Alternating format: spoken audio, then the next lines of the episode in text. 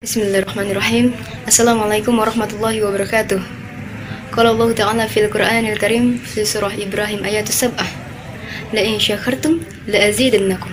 Barang siapa yang bersyukur kepadaku kata Allah Maka pasti aku akan menambahkan nikmatku kepadamu. Dan barang siapa yang mengkufurinya Maka sesungguhnya azabku sangatlah pedih maka semoga kita senantiasa mampu menjadi hamba-hambanya yang senantiasa bersyukur atas nikmat-nikmat Allah yang bertelekan di muka bumi ini, baik itu secara materi, non-materi.